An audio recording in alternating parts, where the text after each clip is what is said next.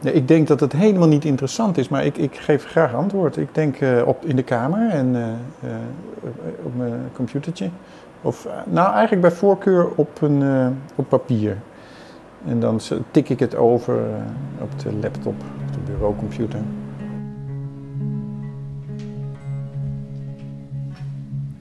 Er waren drie broeders en die gingen samen uit wandelen.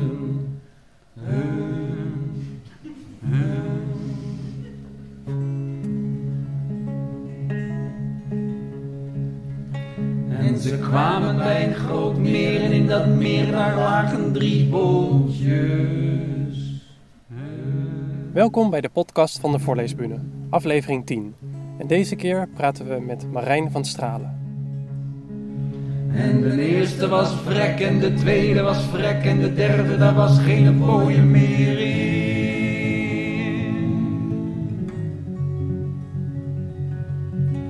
En waar geen boy meer in was, daar gingen ze alle drie zitten.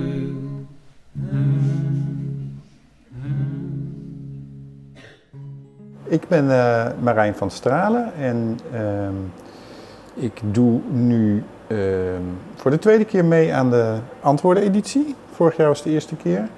En eh, ik ken de voorleesbühne nu een jaar of tien, pak een beet. Bernard ken ik een jaar of 25 geloof ik. Acht jaar was ik hier voor het eerst. Dat is een leuke editie. Waar schrijf je? je vroeger in de trein, dus waar het maar kan eigenlijk. Maar uh, thuis meestal. Thuis is, uh, is Beeldhoven, waar ik woon. Homes were the hardest. Verloofde, twee kinderen. En mijn verloofde heb ik overigens bij de voorleesbühne ontmoet. Saillant detail. Op, bij, uh, acht jaar geleden. Zij zat in het publiek en wij waren hier aan het filmen. En zij zat naast mij met een stapel boeken, de Russische literatuur. En het voornemen om op het podium, bij het open podium, iets voor te dragen. En toen uh, zei ik dat ze dat moest doen. Toen zei ze nee. En om er van af te zijn, heeft ze het toen toch gedaan. En toen hebben we in de pauze wat gepraat.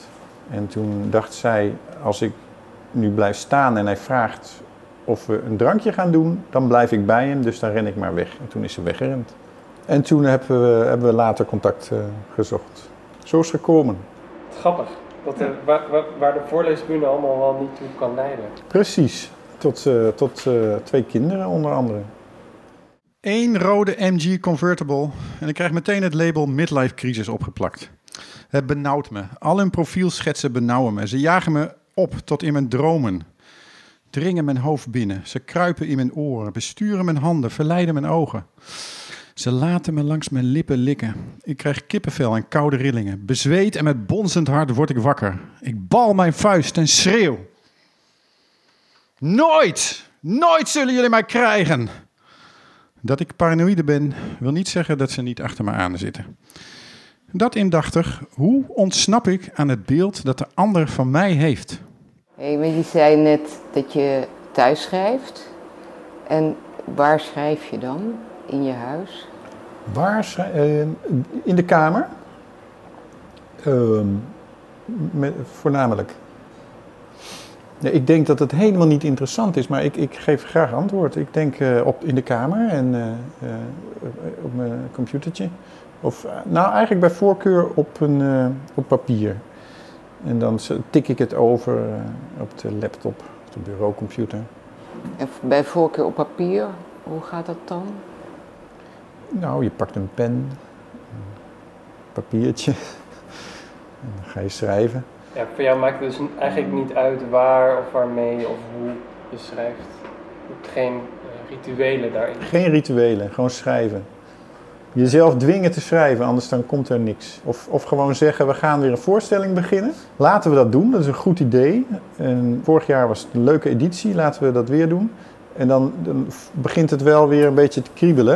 En dan heb je een aantal ideeën en dan uh, zie je eens wat en dan schrijf je dat op.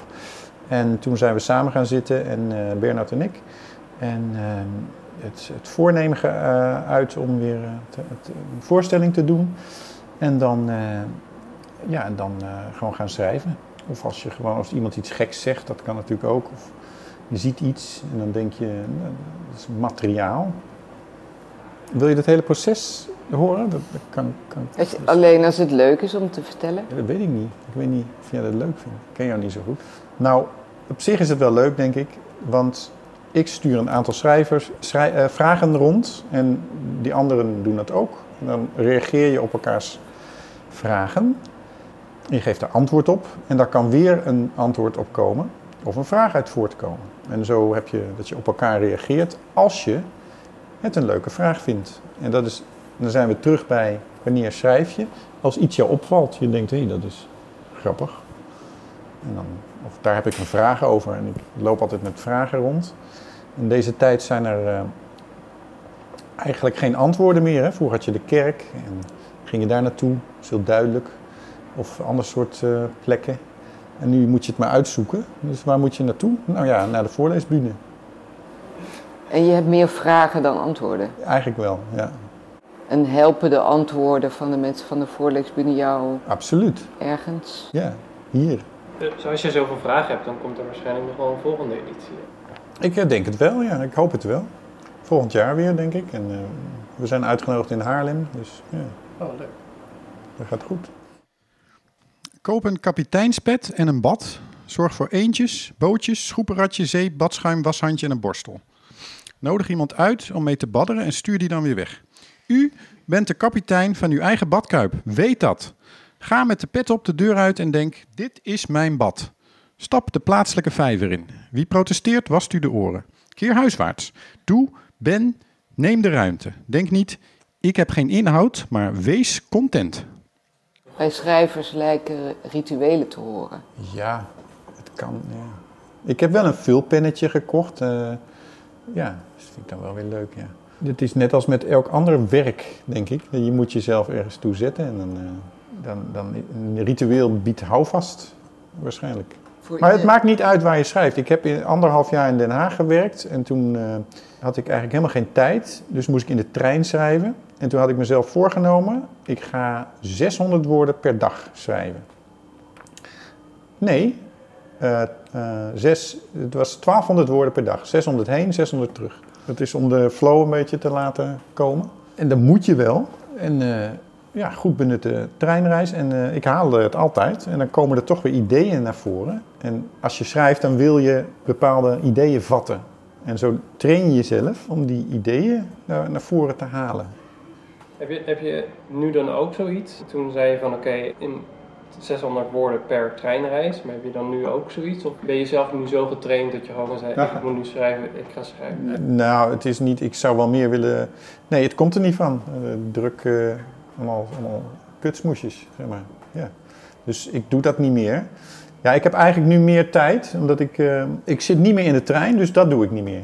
Ik zou het nu ook op andere momenten kunnen doen, maar dat doe ik te weinig. Maar ik vind dit heel leuk om te doen. Dit is heel concreet. En dan denk ik wel, als ik nou iets meer had geschreven het afgelopen jaar, dan waren er nog meer stukjes die ik tevoorschijn had getoverd ergens, misschien nog meer vragen. Dus het, eh, ik zou, zou leuker zijn als ik meer schrijf, maar ja, zo gaat dat soms. Want toen had ik een hele goede aanleiding, want ik had die treinreis. Dus misschien moet ik iets verzinnen waardoor ik dat eh, weer ga doen. En komen er in ieder geval meer woorden uit. Of het beter is, weet ik niet. Maar het heeft me toen geleerd om goed eh, te schrijven. Word bijgelovig. Uw huis verlaten en teruggaan omdat u iets vergat, betekent een groot ongeluk treft u die dag. U zwakt dit nog enigszins af door in de spiegel te kijken voor u opnieuw het huis verlaat. Ook dan echter bent u zich er steeds van bewust dat alles mis kan gaan. S'avonds had u opgelucht adem, dankbaar het er goed van af te hebben gebracht. Of u bent blij dat u of uw kind slechts een been brak. Dat zou veel erger kunnen zijn. Ook kunt u zonder telefoon, portemonnee of rijbewijs uw pad vervolgen. U moet dan improviseren en zult merken dat dit prima gaat.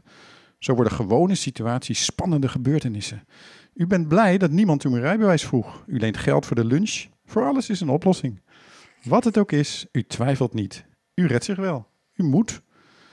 Deze methode vergroot de kans om in netelige situaties terecht te komen aanzienlijk. Pas hem strikt toe en break a leg. Eh, wat doe je het liefst? Schrijven, lezen, voorlezen. Schrijven. Het is allemaal wat anders. Het, is, het, ja, het ligt aan het moment en zo. Ik lees graag voor wat ik schrijf. eh, het, het leuke van schrijven is dat je iets. ehm, het schrijven is ook een manier van de wereld te begrijpen. Dat is daarom heb ik al die vragen. En wat moet je daar nou mee? Nou, als je schrijft, dan die zinnen moeten kloppen. Dan ga je proberen te begrijpen hoe het zit. En dan, dan heb je dat geschreven. Dan is dat aardig, want dan, dan is het er. En dan is het in zo'n avond erg leuk om met z'n allen voor te lezen. Dus, ja. dus we, dus zitten vol eh, wonderen. Dus wat ik interessant vind is eh, magie, nietwaar? Iedereen is op zoek naar de magie. Wat zit er achter de, de werkelijkheid? En er is zoveel meer dan wat je denkt. En dat is, dat is aardig om eh, te proberen te vatten, ook in zo'n vraag- en antwoordspel. Tot zover ons interessant gesprek met Marijn van Stralen. En dan nu een fragment van de septembereditie. Is het iets typisch van deze tijd dat vrouwen van boven de 65 hun mannen graag onderdrukken en dat deze zich dat laten welgevallen? Twee weken geleden was ik in Luxemburg. Ik had een rugzak op mijn rug, er zat een tent in de rugzak. Ik liep over verlaten bospaden van het ene dorpje naar het volgende stadje. Ieder stadje had een camping, iedere camping had Nederlandse eigenaren. Al deze campings stonden vol met grote witte caravans en campers. Voor iedere caravan of camper twee tuinstoelen en een plastic tafel. Op ieder tafeltje een boek en een puzzelboekje. In de tuinstoelen een Nederlands laagbejaard heteroseksueel echtpaar. Voor zich uitstarend, misschien heette het genieten van het mooie weer. Op woensdagochtend kroop ik uit mijn tentje en ik zag de roze vlaggenlijn bij de buren. Ze plakte tegen het kunststof van de caravan. Terug van de wc liep de buurman, groot, dik, kaal, met kleine snelle pasjes om de caravan. Hij schikte een driehoek in een vlaggenlijn. Ik bleef staan. Hoe vind je hem? vroeg hij mij. Ziet dit er feestelijk uit? Mijn vrouw is jarig en ze houdt van verrassingen en van zich echt jarig voelen. Maar er komen geen familieleden vandaag, geen post en geen buren. Ze gaat haar Facebook felicitaties stellen en verder is het allemaal aan mij. Hij zuchtte, pakte een zakje van het witte tafeltje, haalde, een haalde er een paarse ballon uit in de vorm van een zes en begon te blazen. Mij gaf hij ook zo'n, mij gaf hij ook zo'n slappe zes. Ik blies, knoopte en gaf hem aan. Met in iedere hand een zes bleef hij even staan. Hij keek naar de caravan en toen naar mij. Maar ik had ook geen idee hoe men in de regel opgeblazen getallen aan een caravan bevestigt. Het begon te regenen. Een half uur later liep ik met mijn regenjas aan en rugzak om het terrein af. Ik keek naar de buren. De zessen lagen op hun rug op het natte tuintafeltje. Uit iedere punt van de slinger krielde een roze streep over de caravan naar beneden. Ik weet niet zo goed of het typisch voor deze tijd is dat vrouwen van boven de 65 een man onderdrukken. Want toen ze het in vroege tijden deden, was ik er niet bij. Vind jij dat ik jou domineer? Eh, Nou, domineer ik jou? Wat vind Nou. jij? Ik bedoel, speel ik de baas over jou of iets in die geest? Ik denk dat Voel jij je onderdrukt door mij? Dat is eigenlijk mijn vraag. Je bedoelt. Kom, je weet heel goed wat ik bedoel. Gewoon, of jij vindt dat ik jou te weinig ruimte geef. Of ik vind, Om jezelf te zijn en zo. Te doen wat je wilt. Je emoties te uiten. Mijn emo- Want je weet hoe belangrijk ik dat vind. Dat jij ook ruimte hebt om je emoties te uiten. Ja, dat is. Toch? eh, ja. Dat weet je toch wel? Hoe belangrijk ik het vind dat jij je emoties uit. ja, nou. Anders is- kun je geen goede relatie hebben. Als je je emoties niet naar elkaar kunt uiten. Nee, dat kan niet. Ik bedoel, anders hadden wij het natuurlijk ook nooit zo lang samen volgehouden. Als wij niet altijd zo open naar elkaar waren geweest. Toch? Ik denk niet dat wij na al die jaren nog bij elkaar waren geweest. Als wij niet allebei de ruimte hadden gevoeld om met elkaar te delen hoe we ons voelden. Toch? Ik- Dat zou toch ook geen leven zijn geweest eigenlijk?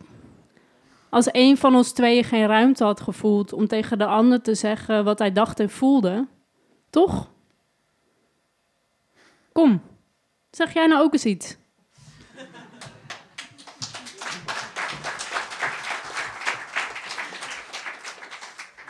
Toen ik een jaar of vijf of zes was, was ik een beproefde entertainer voor een groep van onzichtbare kinderen om me heen. Toen ik twintig was, had ik geen idee wat er met, verder met mij moest gebeuren. Toen ik dertig was, was ik, en, Mariska kan het betuigen, ehm, een beetje ambitieus. We deden toen allebei wat met eh, cabaretachtige dingen. Rond mijn veertigste speelde ik onopgemerkt een aantal hele mooie afscheidsvoorstellingen.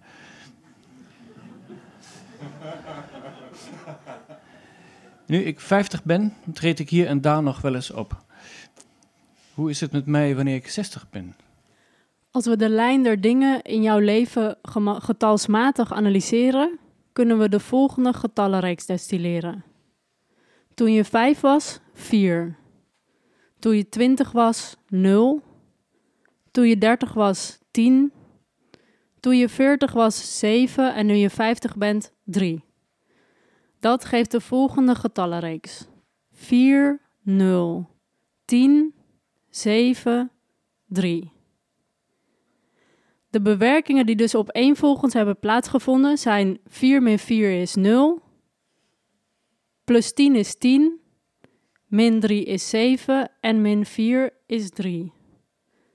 Gaan we uit van een zich herhalende reeks van bewerkingen, dan is hierna plus 10 weer aan de beurt. En dan komen we op 3 plus 10 is 13.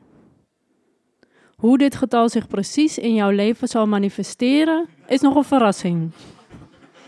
Maar aangezien het net als 7 en 3 een priemgetal is, zien we jouw toekomst absoluut rooskleurig in. Natuurlijk wel op voorwaarde dat je de leeftijd van 60 levend zult bereiken. Want daar kunnen de getallen helaas geen uitsluitsel over geven. Als je 60 bent, treed je op voor een groep onzichtbare kinderen. De cirkel is weer rond. Stel je nu het volgende eens voor. Je staat tegen de wand geplakt van een centrifuge die maar ronddraait en ronddraait. Je probeert te ontsnappen, maar het lukt niet. Buiten is alles overal hetzelfde. Mensen kijken je aan, tussen de gebouwen door, in een grauwbruine mist. Dat is het. Je houdt stand.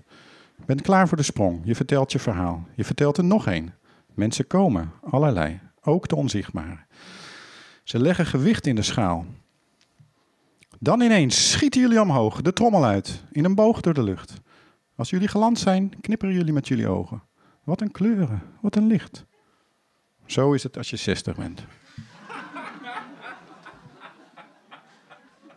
Ik vermoed dat jij gaat wandelen als je 60 bent. In een rustig tempo loop je naar het park. In je hoofd heb je een monoloog voorbereid over je avonturen van de ochtend. Tijdens het wandelen kom je zeker drie mensen tegen die hun hond uitlaten. Stuk voor stuk hou je die staande en je draait je monoloog voor over de koffie die je omstoten, de natte sok in de hoek van de kamer en de drie mieren die over het schone aanrecht liepen. Thuisgekomen evalueer je de monoloog. Onder het genot van een tomatensoepje maak je aantekeningen en herschrijf je de tekst. En s'avonds trek jij je wandelschoenen weer aan. Je weet precies waar en op welk tijdstip zijn hond uitlaat. Je verheugt je erop, want je weet dat de avondsessies altijd stukken beter gaan. Je treedt hier en daar nog wel eens op. Dat is een mooie status voor een man van 50. Hoe nu verder? Het lijkt me een goed idee om opnieuw te kiezen voor ongeëvenaard vakmanschap voor onzichtbaar publiek. Grijzer en rimpeliger is deze vitale zestiger en dat staat hem goed. Zijn publiek is de mooiste mix van mensen die je kunt wensen. Oud en jong, rijk en arm, beroemd en lelijk. Ik weet niet hoe je het doet, maar na iedere voorstelling houdt men van elkaar. Iedereen van iedereen. Er worden omhelzingen en telefoonnummers uitgewisseld, er worden baby's gemaakt, er worden plannen gemaakt voor een betere wereld. Er zitten ook opvallend veel dieren in de zaal. Onzichtbare theaters bouwen aparte loges voor de poezen, de geiten en de olifanten. En jij? Je vertelt je verhalen, je doet een goocheltruc en een schuchter dansje. Je vult je hart en je fietst naar huis. Soms denk je terug aan toen je 50 was en dan glimlach je minzaam. Bernard Christiansen herhaalt zichzelf, zullen de zure, onzichtbare recensenten schrijven. Maar ja, wie leest dat nou?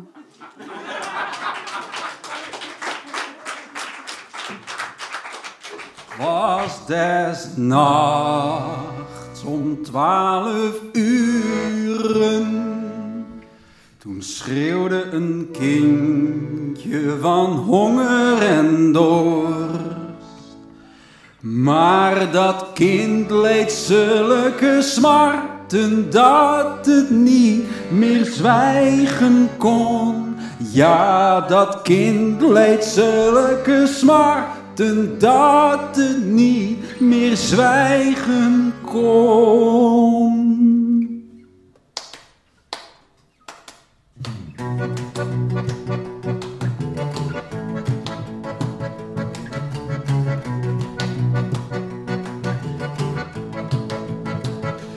Oudste zoontje kwam van boven haalde het jongste al uit de wieg.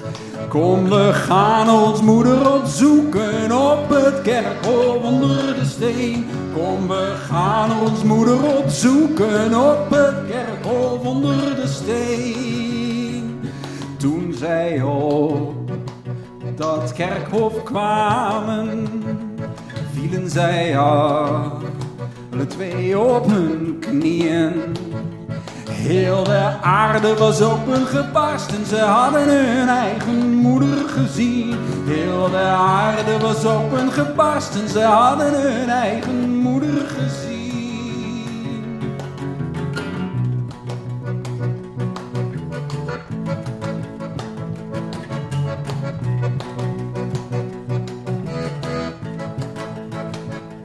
Moeder sprak tot Kom wat rusten aan mijn zij.